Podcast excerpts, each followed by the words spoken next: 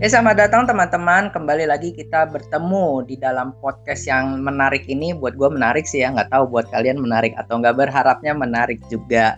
Yaitu podcast bersama-sama ini dengan judul di buku ini. Nah kembali kita akan sama-sama membahas lagi nih review buku, buku rohani tentunya ya, kayak gitu. Dan ini buku yang menurut gue menarik juga sih.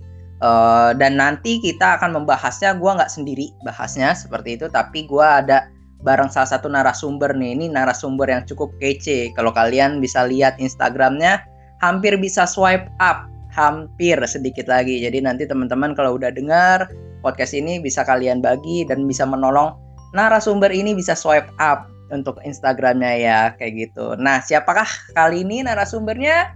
Kita sapa bareng-bareng. Gak bisa sih bareng-bareng, cuman gue doang kali ya kayak gitu yaitu Bang Alex Nanlohi. Halo Bang. Yeay, halo. Ernest lebay banget perkenalannya. halo teman-teman semua. Iya dong, kita harus bisa swipe up bang. Lu bisa enak layanannya. Gue udah bisa swipe up, swipe upnya tapi ini ya, swipe up langsung ke IG story. Kalau swipe up yang ke link, ah, itu masih mesti nunggu lagi, dikit lagi. Iya, tinggal beberapa ratus lagi ya. Iya.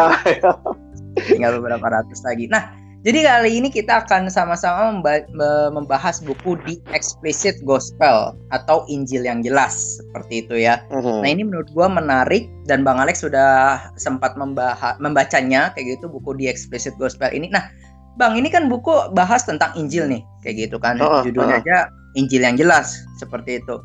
Nah menurut lu nih waktu lu uh, baca buku ini yang penulis nama Chandler ini Uh, mm-hmm. Menurut lo apa sih yang unik dari buku The Explicit Gospel ini? Apa yang membedakan buku ini dengan buku-buku yang lain? Dan kenapa gue harus baca buku ini sih kayak gitu? Apa yang unik sih dari buku Explicit Gospel ini? Hmm, kalau gue uh, kasih tahu dulu kali ya, gue waktu itu bacanya hmm. sebenarnya udah beberapa waktu yang lalu dan sebenarnya aku baca dalam bahasa Inggris. Jadi karena bersyukur juga nih kita udah terjemahin ke dalam bahasa Indonesia dan uh, mungkin jadi pertanyaan orang begini, ngapain lagi sih buku tentang Injil? Udah orang Kristen kok belajar tentang Injil lagi, emangnya kenapa gitu? Tapi gue pikir cara pandang, nah ini menawarkan cara pandang ini yang menarik, yang bagi gue uh, akan menolong kita bisa lebih melihat um, kekayaan Injil itu seperti apa sih? Dan mungkin juga kalau gue ngerasanya gini ya, pengalaman hmm. gue selama ini sering kali hanya fokus kepada cara pandang tertentu melihat Injil yang digambarkan sama penulis ya, penulis pakai istilah uh, Injil dari bawah sama Injil dari atas. Nah, gue ngelihat dua hal ini yang kadang-kadang uh, teman-teman dan dan gue juga lah ya waktu gue baca uh, ngelihatnya selama ini ternyata gue fokus banget dari bawah ya gitu. Uh, jadi berita Injil yang sama dari Alkitab yang sama, tetapi ternyata ada dua cara pandang yang kedua-duanya itu uh, bukan bertentangan, tapi saling harmoni gitu loh. Itu yang gue ngelihat sehingga gue pikir sih perlu ya kita baca buku ini untuk mendapat wawasan yang utuh.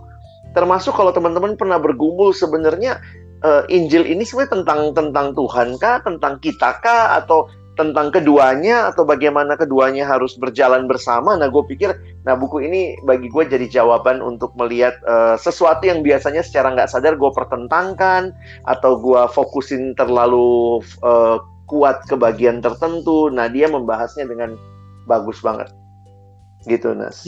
Gitu ya, Bang. Nah, Tadi mm uh, menarik nih, abang bilang kan kalau si penulis nih si Matt Chandler ini nih uh, dia membahasnya dari dua sudut pandang kayak gitu kan, mm -mm, ada Injil mm dari atas dan Injil dari bawah. Nah emang mm -mm. tuh apa sih yang dimaksudkan Injil dari atas dan Injil dari bawah? Nah kalau kalau sebenarnya perhatiin uh, cara pandang, cara gambarinnya dia ini sebenarnya bukan hal yang baru sih. Mm -hmm. Ini hal yang gue pikir ini pembahasan yang menolong kita melihat sekali lagi ini bukan dua pertentangan. Nah, hmm. Injil yang dari bawah tuh yang dia gambarin adalah Injil yang uh, fokusnya kepada maksudnya uh, kehidupan pribadi manusia yang diselamatkan. Jadi kemudian dia bicara di situ tentang Allah, manusia, Kristus, hmm. respon. Jadi itu yang kita biasa juga dengar kan kalau misalnya ada buku-buku tentang penginjilan atau mungkin waktu ikut KKR gitu ya tentang Allah, manusia dan dosa, lalu Kristus menebus dan kemudian uh, manusia harusnya memberi respon.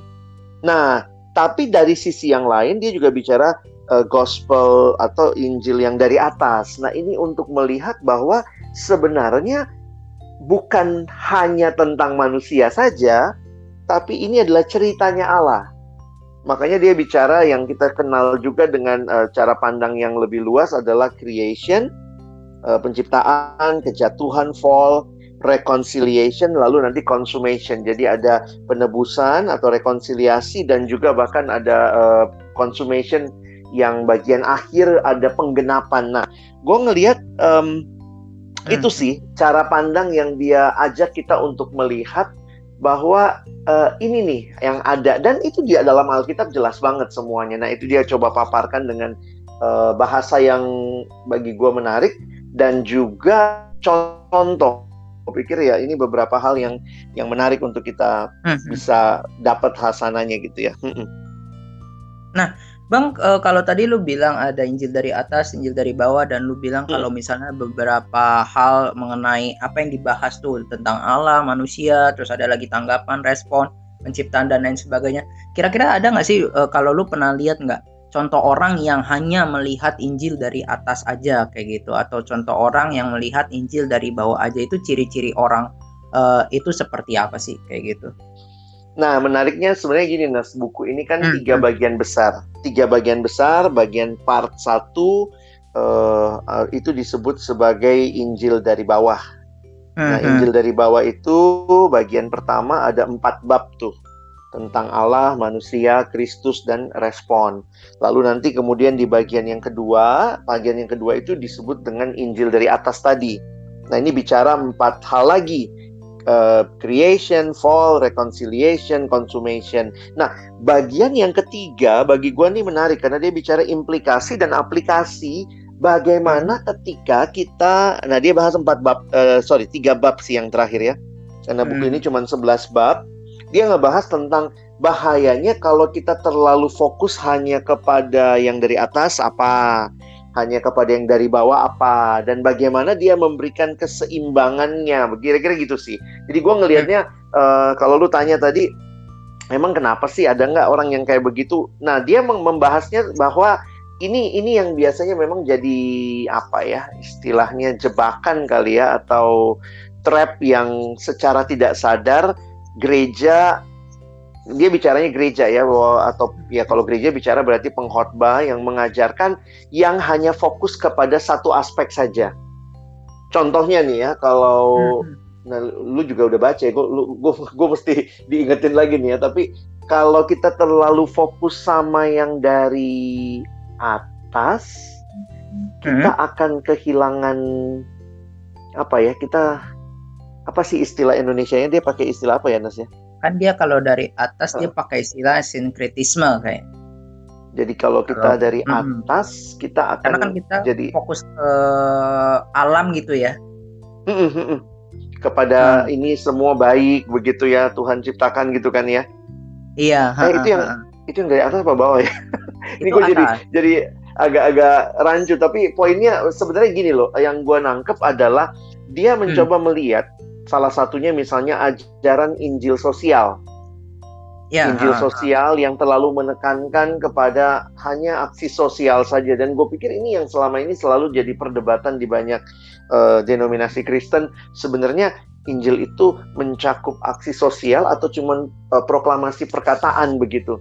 Nah, hmm. itu yang yang sebenarnya kalau teman-teman bisa pahami gitu ya, mungkin dia menggunakan beberapa istilah tapi kalau gue perhatiin bahwa dia mau menyatakan bahwa kalau kita nggak mengajarkan dengan seimbang, kita bisa terjebak tuh.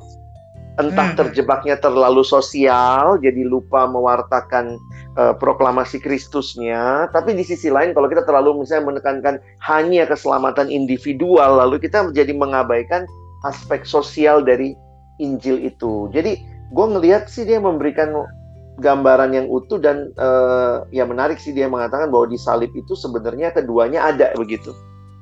Hmm. Itu yang gue hmm. dapat sih. Tapi emang menarik sih bang, karena kan gue juga hmm. baca gitu kan ya bukunya yang menarik hmm. ya memang uh, waktu gue sampai di bab-bab akhir kayak gitu ya gue lihat hmm. ya kan dari awal bahas tentang Injil dari atas uh, komponennya ini ini ini Injil dari bawah hmm. komponennya ini ini terus pas di belakang tuh dia mulai bahas tentang uh, bagaimana kalau kita terjebak ke satu pandangan doang? Memang kayaknya yeah. ke kehidupan kekristenan kita nih bang suka ada ketegangan antara dua hal tersebut tuh. Kayak gitu Injil dari atas yeah, dari yeah. dari bawah tuh. Jadi satu sisi ada orang-orang yang uh, Injilnya dari bawah. Ini ini sudut pandang penulis ya. Dia dia mengatakan hmm. Injil dari bawah.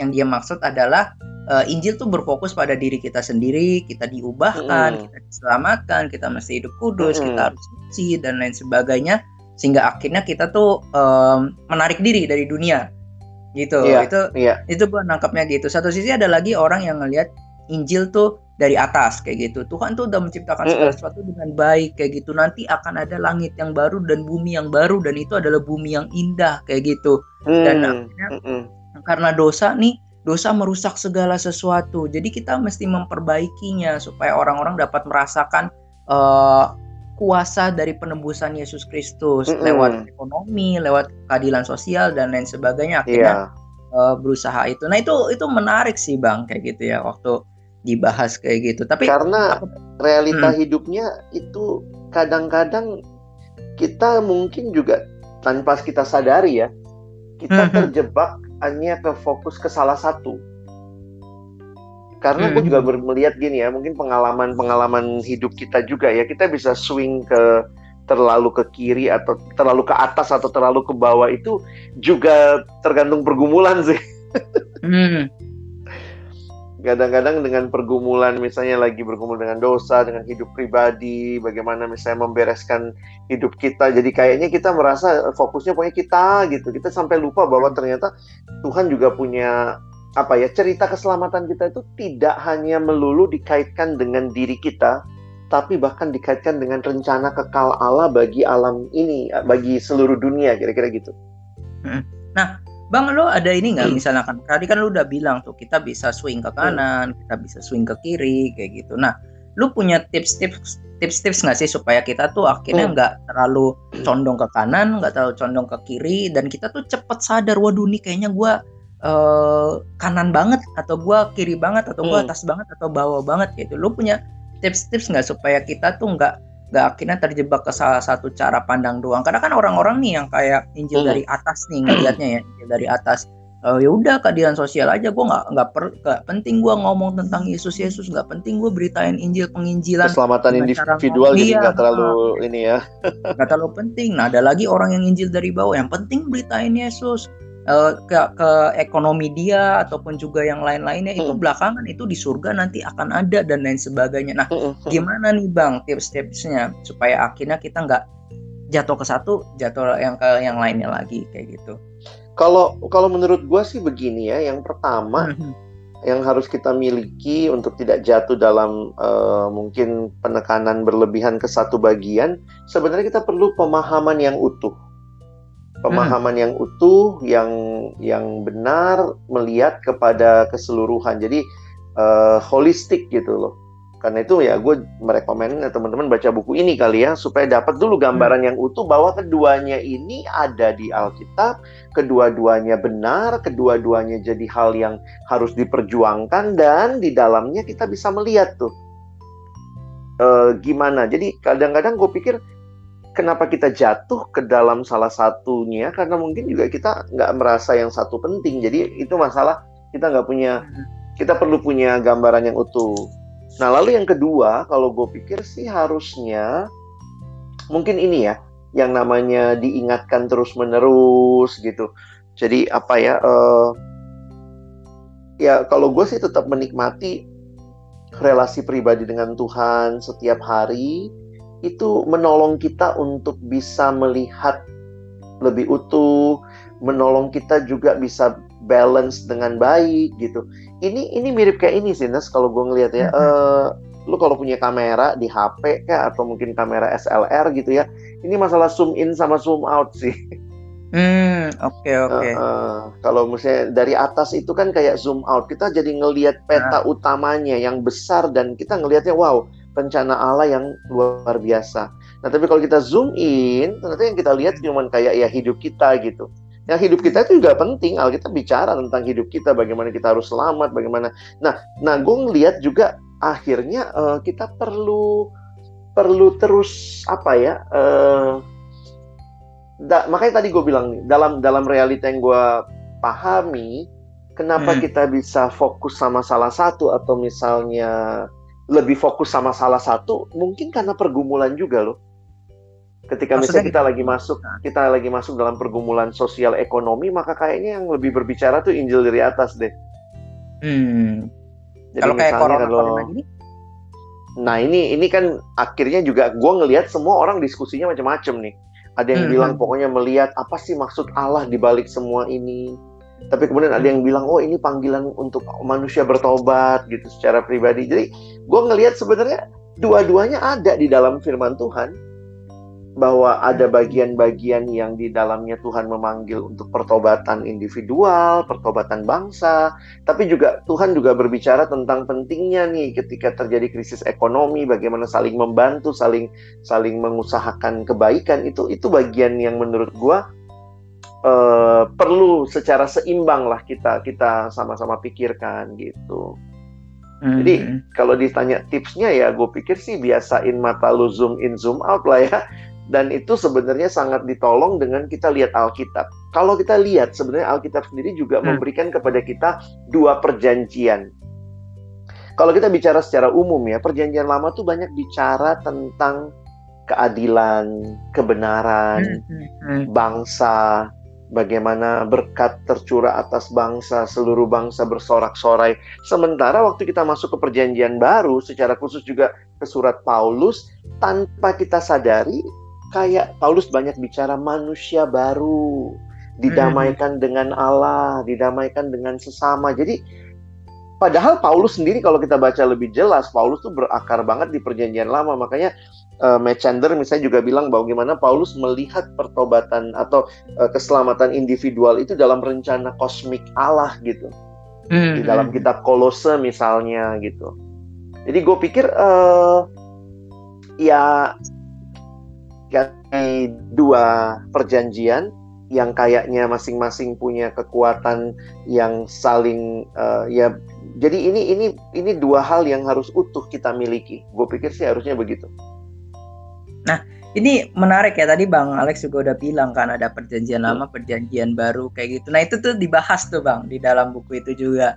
Perjanjian mm -hmm. lama yang mm -hmm. bahas banyak tentang keadilan sosial dan lain sebagainya, perjanjian mm -hmm. baru uh, juga membahas tentang bagaimana hidup menjadi orang Kristen kayak gitu hidup udah diselamatkan dan lain sebagainya nah itu itu menarik sih itu dibahas nah salah satu hal yang menarik lagi menurut gue nih bang ya kayak gitu hmm. uh, dia tuh men, uh, yang tadi kita udah bahas juga menariknya kan dia kasih aplikasi-aplikasi gitu kan iya iya dan juga bagaimana nih sedikit nih kayak gitu gue bacain salah satu ya uh, lu lu ada bukunya di situ ya lu baca deh ada nih bagian. kebetulan nih kayak gitu nah salah satu hal yang dia katakan kalau kita terlalu fokus bukan salah satu hal beberapa poin yang dia katakan nih hmm. kalau kita fokus kepada Injil dari atas dulu kayak gitu ya hmm. bahayanya itu sinkretis kayak gitu itu bahaya hmm. Bahaya kedua Injil tanpa Kristus jadi kita bisa aja nih uh, keadilan sosial keadilan sosial dan lain sebagainya tapi kita nggak hmm. beritain Yesus nggak nyampe ke gitu. Yesusnya Hmm, ya Yesusnya nggak nyampe kayak gitu. Yang penting dia menikmati aja kasih Yesus. Mm -hmm. Tapi Yesusnya mm -hmm nggak sampai kayak gitu. Nah itu Injil tanpa Kristus. Yang terakhir akhirnya budaya sebagai berhala kayak gitu. Yang penting tuh hmm. kehidupan di dunia baik dan lain sebagainya. Akhirnya hmm. memperjuangkan itu seperti itu. Nah sedangkan kalau fokus kepada Injil yang dibawa aja kayak gitu, kita akan Diangkat menjadi orang-orang tiga, tiga hal juga ya. Tiga hal juga yang menarik hmm. kayak gitu. Kita kehilangan misi agung Allah itu. Ya jadi kita akan fokusnya kepada diri sendiri nggak peduli sendiri. hmm. mau rusak kayak gitu iya misalnya kayak corona lagi ada uh, isu-isu corona ini kayak gitu kita nggak peduli ada hmm. orang sejauh nggak menimpa kita bodoh amat gitu ya betul yang penting apa sih maksud Tuhan sama hidup hmm. gua nah itu aja hmm. kayak gitu terus ada lagi iman yang tunduk pada rasio jadi hmm. sangat rasio banget. Yang penting tuh gue tahu tentang Yesus. Yang tahu, yang penting gue tahu tentang hmm, Alkitab hmm. kayak gitu-gitu. Nah tapi dalam mempraktekkan imannya kita lemah tuh kayak gitu seperti apa yang dikatakan Yakobus kan coba tunjukin iya. dong Yakobus minta tuh iman tanpa perbuatan itu ya iya iman tanpa perbuatan pasti apa uh, itu tak mati iman tanpa perbuatan. Mm-hmm. Yang terakhir tuh Injil yang berpusat pada diri sendiri kayak gitu. Nah itu uh, kalau kita sering melihat dari bawah kayak gitu. Jadi akhirnya kita uh, melihat Injil tuh cuma buat kita doang dan itu untuk keuntungan mm-hmm. kita nggak ada dampak sama sekali untuk uh, lingkungan sekitar. Nah ini buku yang bagus sih bang menurut. Iya, gue sih rekomend banget ya untuk teman-teman baca kali ya. Mm-mm, eh beli dulu, beli dulu baru baca. Iya beli dulu. Tapi untungnya ini kalau abang tadi bilang kan bak, uh, pakai bahasa Inggris ya. Nah mm. uh, bahasa Indonesia-nya tuh udah diterjemahin sama literatur Perkantas Jatim. Harganya enam puluh lima ribu. Nah jadi wow. kalau teman-teman mau beli tuh bisa nih kayak gitu. Dan bukunya menurut gua nggak terlalu tebel-tebel banget sih bang ya. Kayak gitu. Paling iya, ada dan berapa. ini gue seneng bahasanya Matt Chandler sama Jared Wilson ini lumayan hmm. bahasa sehari-hari ya. Iya nggak terlalu ribet yang filsafat kayak gimana gimana gitu. enggak kok. Kayak gitu. Tapi dia ada uh, bahasanya ringan kayak gitu juga pembahasannya nggak yeah. rumit-rumit banget kayak gitu nah itu menarik sih terjemahannya enak kan ya lu lu kan baca enak. terjemahannya juga bagus kan uh -uh. bagus eksplisit uh, gospel ini jadi uh, menurut lu lu rekomend nggak bang nih buat orang-orang ya, baca iya. orang gue sih rekomend rekomend khususnya untuk Hmm, kita hmm. bisa dapat pemahaman yang utuh dengan penjabaran yang baik. Jadi kan bisa aja kayak sekarang kita bilang lu mesti utuh nih pemahamannya, tapi sebenarnya penjabarannya lu paham nggak nih? Nah buku ini gue pikir dengan dia membuat khusus misalnya uh, Injil dari bawah itu empat bab, Injil dari atas empat bab, dia menolong kita tuh makin mengerti. Jadi pelan-pelan tuh dituntun sampai waktu kita ngeliat ya seperti Ernest hmm. tadi ya, di, hmm. di di bagian depan waktu baca ya elah gue mah udah tahu nih gue udah tahu ya tapi di belakang di belakang tuh jadi kayak wow oh gini ya oh bisa begini ya jadi itu menarik ya iya iya menarik Iya awal tuh kelihatannya uh, pas masih pengantar, wih menarik nih. Pas masuk mulai isinya bab satu, terus juga uh, bab apa dia kan baginya tiga tiga bagian kan, bagian satu, iya. bagian dua. Ah ini mah bukan hal yang kalau buat gua bukan hal yang baru-baru banget kayak gitu. Mm -hmm. Tapi pas masuk bab tiganya, wah ternyata. Jadi dia memang udah nyiapin bab satu, bab dua tuh untuk bab tiga secara pelan-pelan. Iya, iya.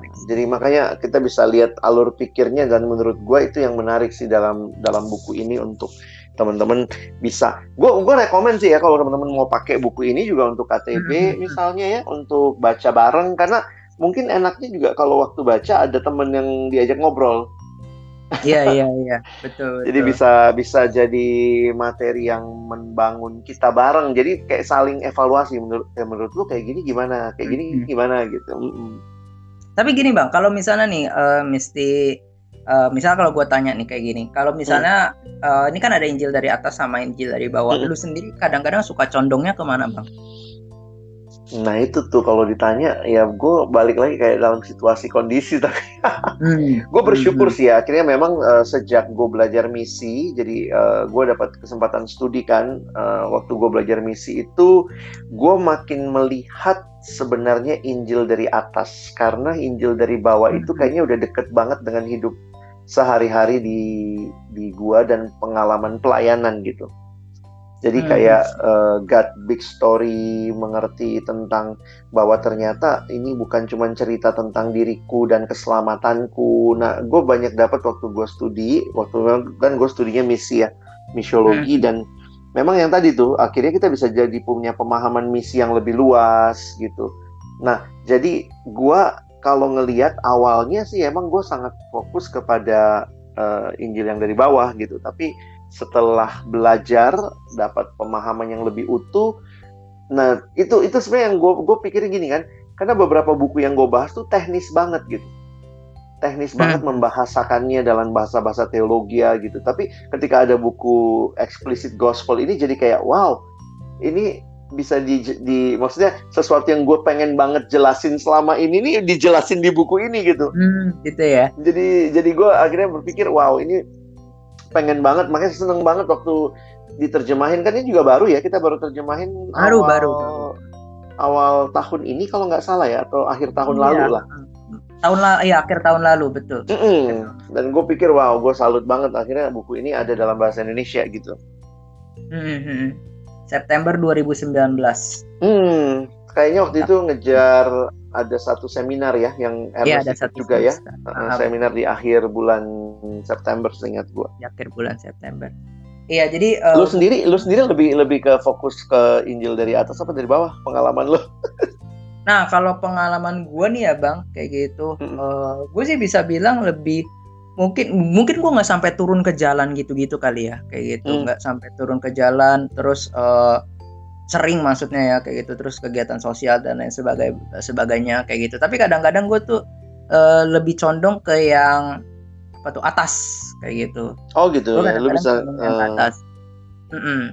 Karena kan menurut gua ya eh, ah gua udah beres nih masalahnya kayak gitu sama Hmm, Tuhan kayak gitu. Terus juga eh, bukan soal moralitas kayak gitu dan juga so- bukan soal eh, bagaimana akhirnya eh, gua diselamatkan lagi. Ini gimana supaya orang-orang tuh dapat menikmati kasih Kristus. Kadang-kadang soalnya gue suka kasihan gitu lihat orang kadang-kadang kayak gitu. Oh. Nah, gua jadinya lebih sering dari atas. Cuman ini dapat menolong sih kayak gitu. Makanya pas gue baca sintetis, oh iya bener juga sih kayak gitu bisa bisa sintetisme juga sih dari atas sih. Jadi malah kehilangan Injilnya Yesusnya itu kalau sering membantu tapi Iya. nggak nggak memberitakan Yesusnya kayak gitu. Mm-mm. Keren lah buku ini. Nah, eh, teman-teman nih kayaknya kita udah habis gitu ya bang waktunya nih kayaknya udah lumayan nih 20 apa 30-an menit. Iya, dan kayaknya kita nggak mungkin ngomongin terus ya teman-teman. Walaupun kita udah banyak ngomongin, baca deh gitu ya, dalamnya Iya, lebih indah lagi aja. gitu ya. Gitu. Eh, serius ini eh, sangat menolong. Kalian akan eh, dapat melihat bagaimana akhirnya eh, si penulis ini membimbing kalian sampai akhirnya bahaya-bahayanya aplikasinya eh, dan juga mungkin bisa refleksi juga sih selama kehidupan ini nih. Gue tuh condongnya Mm-mm. ngerti Injil kayak gimana sih kayak gitu. Gereja gue biasanya bagiin Injil yang kayak gimana sih yang sering dibagiin Iya. kayak gitu. Nah itu sih jangan-jangan eh, maksudnya gini bang. Jadi kita tuh kalau misal condong ke satu bagian doang entah dari atas atau dari bawah nggak jadi Injil lagi bang gitu Injil kan Hmm, untuk menyeluruh gitu kan kayak gitu nah Iya. kalau kita pilih yang cuman atas aja condong di atas nggak jadi Injil lagi dong kayak gitu nah itu Makanya yang- dia bicara eh, explicit gospel itu jadi menarik ya bahwa ini Injil yang Mhm. jelas yang harusnya ada dua-dua bagian itu gitu. Iya betul betul. Oke kita akhiri. Eh, terima kasih Bang Hmm. Alex untuk. Thank you juga udah eh, diajak ngobrol-ngobrol.